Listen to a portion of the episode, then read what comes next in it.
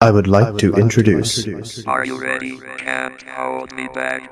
Allo, umadlela oh lo, nilalile inyazaranda la kobulawayo. We interrupt this program to bring you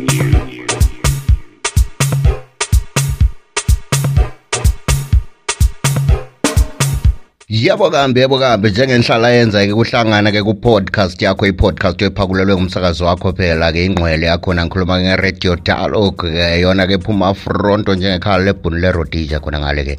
Ngiye ngamotsha isikhathi-ke ngoba-ke laphana udaba esikhuluma ngalo lo daba oluqakatheke kakhulu okuqakathekileyo ukuthi-ke sizwe kabanzi ngalo-ke. Ngikhuluma-ke ngodaba lona olokuthi ubulawayo city council uzakhumbula phela ukuthi ubuye wakhuphula njalo.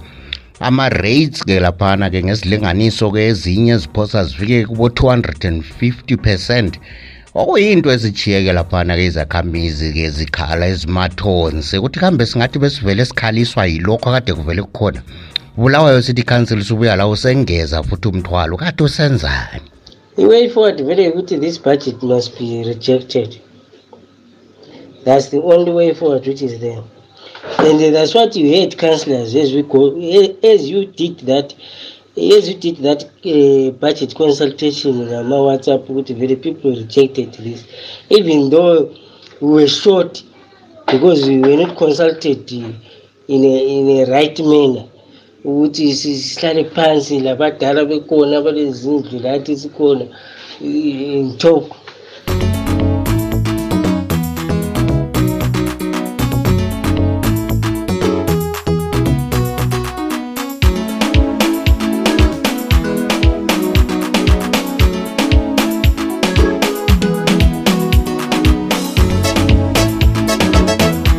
ke mina lambizo ke njengenhlala yenza ngigodobori umgonondo omkhulu ongabhekwa ngamehlo ukhulekana kwabhethule umsokoci omagagazi ke ngithi hayi njengoba la uzazela ke i-podcast luhlelo makhaza ke laphana ngakho-ke sithi gagas vele siqede masinya. Uzakhumbula phela ukuthi linyakenye ubulawayo city council wenze-ke into efanayo ukhweze-ke laphana ama-rate ngenye indlela eyisimanga wathi abantu bekhala ke lapha sabuya sambiza-ke njalo-ke uchairperson-ke ogatsha kalukhangeleke ngezezimali umcebo-ke khona phana kobulawa city council ngikhuluma-ke eh ngo-chairperson we-finance department-ke ubaba-ke ukhansila uruzibe simbizile nyakenye wabuye wazechasisa ukuthi kanti kubangelwe yikwini ukuthi bekhuphule ama-rates ngendlela ababenze ngayo.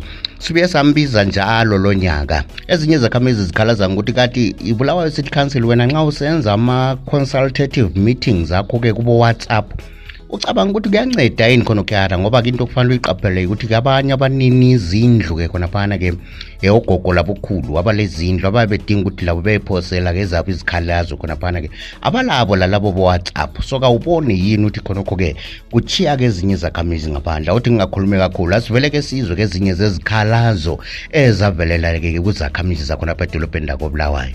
Bathi bengena lapha emahhofisini besafuna ukuvotelwa bathi bona bazakwenza kuhle. Bantu bakobulawayo lizakuhlala kuhle. Lizake liphefumule.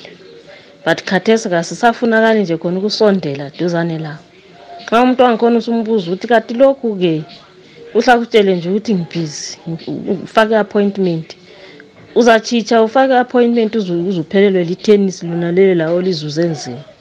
But hhayi bantu bakithi shuwa hhayi ake si sithi nxa sisenza izinto sitshelana abantu amaqiniso singadzwenkani sicatshe ngomunwe. Okukhona nje ukuthi ikhansili yona ngikwayo sibili kayimanga kuhle. Ilesimenemene esithize sibili lathi singasaziyo ukuthi kade isimenemene bani. Ngoba la nxa njengoba kade sibantu sikhala ngama-rates ona la khwela khwela izimali zona lezi ubaba unarikhuluma ngakho ukuthi imali thole kwelinye ilanga ubhadale i-two thousand kwelinye ilanga ubhadale i-one point four kwelinye ilanga ubhadale i-one point seven. Uthi uyakhangela la manzi owasebenzileyo wona lawo kuthiwa ama-charges angikhona awukwazi azange usebenzisa amanzi aya ngaphi uhlala wedwa endlini kodwa imali yangikhona iningi kakhulu.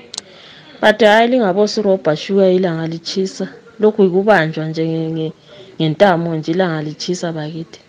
Ungabhekisisa kahle njengezakhamuzi sile problem kakhulu eh ku meter reading la ku billing system yeCouncil elina as ma councillors kuzona ezi yama critical lokuzeni areas ayi-two lawa. Le selenzeni ngoba ungakhangela ikakhulu kulesikhathi eside kakhulu noma ungakhangela kuma-vacancies abephuma ku-city council asikaze sibabone thina be bedinga ama-qualified bill- billers ama-billing clerks kumbe ama-meter readers wona lawo. So ama-bills azakwekela ukuba le nkinga njani kungela ama-billing people aba-qualified for umsebenzi wangikhona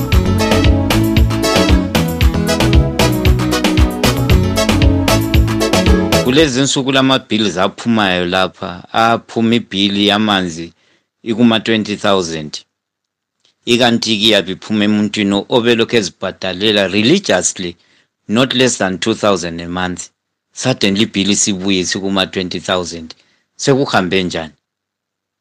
Ungaxoxa labo bakutshela ukuthi ha sizalungisa. The next time when you go, you go back ukuya-check isiku-minus 3,000 so what kind of accounting is that? Sokuhle kubonisa ukuthi a-a kukhona okungahambi kuhle ekhanseli abantu bazabhatala njani izimali? Bengaselashuwa lokuthi izimali zabo vele zisebenza njani? Le accounting system yabo in shambles like this. Mina bengingathanda ukwazi ukuthi kanti lokhu amapholisa ekhansile akuthathela abantu.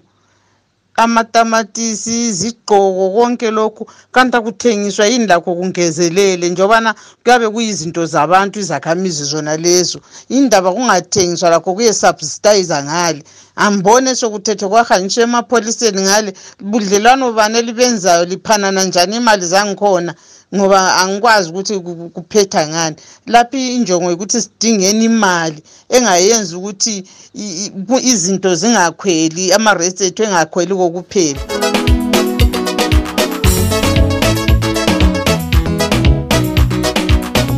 Siqhubula phambili-ke khonaphana-ke nge-podcast yakho khonaphana ungakhohlwa ke 0773284598 nqalayo kuyukuthi-ke ufuna ukuxhumana lathi-ke kungakhethelekile ukuthi ufuna ukuxoxa ingxoxo bani-ke lathi khonaphana ukhululekile sithinte khonaphana ulakho njalo kusilandela ebulenjini kutwitter ihandle yethu nge-at radio dialogue revived khonaphana usilandele press ufolo lathi siza kulandela khonaphana-ke kufacebook. Khasi lethu libizwa kuthiwa radio dialogue shortwave usilandele khonaphana-ke uzathola-ke ingxoxo eziningi kakhulu ulakho njalo kusilandela-ke ku-anchor fm kulapha-ke esishare khona-ke ama-podcasts ethu-ke wonke uyathola khonaphana ku-anchor fm siqhubela phambili-ke ngengxoxo yethu. Ake simuzwe-ke laphana-ke yena-ke ukhansila uruziwe ukuthi wayiphendula wathini-ke laphana-ke imibuzo kanye lembono yezakhamizi? Ngiyabonga. Uh it's just that um uh, when you're talking figures you also don't want to lie to people. Because people can always like want to research on numbers. But I, was- like i was saying uthi budget for 2021 was 5.3 billion. As i'm talking now won't be able to to to, to get to december. We're already a month behind. But it's too late for us now to what? To ask for a supplementary by, budget. Because yet at the process minister sign it will get next year before it's approved we've learned that from experience. But basically i budget yet like i was saying in 2021 uh, we were not working. We were not working. But ama costs like a sewer system we now ended up engaging about three contractors. Because like i was saying what is sewer system yethu was now overloaded. I don't know how or it's because people now were just seated at homes right so we ended up just running with those firefighting sewer every day of our life right? Those pipes they cost money. They gobbled all the engineering takes up 90% of our budget anyway because that's where self service delivery is. So I, I, I would have wanted to have another platform where I give you the numbers ukuthi suspend amalini lapha suspend amalini because I'm a finance person I need to give you figures which I can defend tomorrow. At the moment I know lay ukuthi ngithi I suspend so much on salary, suspend so much for for for this year because remember it's, it's, it's a current year we're still running I can only give you figures up to say June up to July or up to last month And I could have given that one, but I not come prepared with, with, with those figures. It would have assisted. But suffice to say, ukuthi imali yakhona ayisakwani even this year. It won't push us uh, to, to to end of the year because of inflation. And I think I know uh, everyone knows, understand what I'm talking about when I'm talking of inflation. Ukuthi uh, the money we budgeted for and the price of things out there, it has gone way beyond what we anticipated, right? So I want to come to issue a um, consultation process. It was it was always good, right, uh, to engage in our town halls, right, in our city halls, in our uh, community halls, right, when we are doing a budget process. That has always been the norm.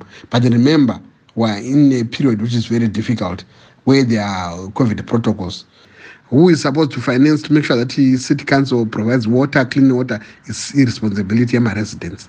So that's why I want us to ukuthi ama residents should not stand aside and say ah ngowama councillors or ngokwe management. Ama ama residents you ama shareholders yes city of Bulawayo. They've got every right. That's why I come to you to consult you with the CNZ. Because at the end of the day sifuna amanzi.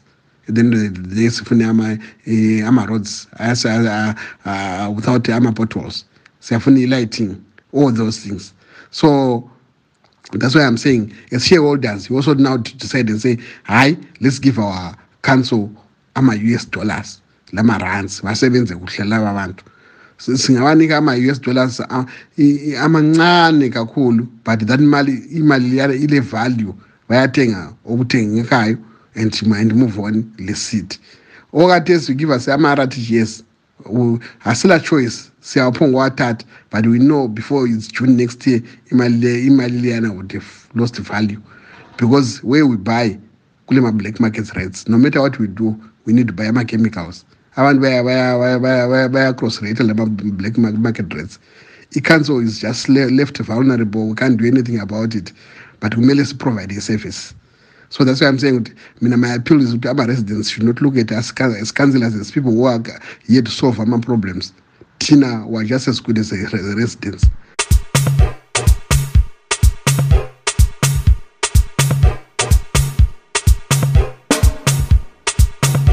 ngeshwa-ke khonaphana njengoba la uzazela-ke ukuthi i-podcast ivele nje luhlelo makhaza sesifike konqengetshe-ke kuhlelo lwanamhlanje-ke mina lamgama-ke ngikhulekana kobhethule enyasarande. Enyasaribi lakhona phaka edolobheni lako bulawayo ngikukhuthaza ngidlayo ngingafuna ukuphathika kuzonke inhlelo zeredio dialogue lakho kusivakatshela ku-anchor m ke khonaphana uzathola ama-podcast ethu esiwenzayo-ke khonaphana ulakho njalo ukuxhumana lathi ku-0773 284 598 usitshele-ke ukuthi kungabe kusenzakalani kwelakho ikasi kuyakho inkomponi-ke khona ngapho lakho njalo kusilandela-ke kutwitter ihande yethu-ke ngu-at radio dialogue revived ulakho njalo kusilandela-ke kufacebook. Ikhasi lakhona libizwa kuthiwa-ke radio dialogue shortwave ngalokho-ke ngithi hayi ube losuku olumncwa sibe sihlangane ku-part 2 owengxoxo yethu lapho esiqhubekela phambili khona ngodaba lona lolu-ke olomhlangano phakathi kwezakhamizi lobulawayo city council.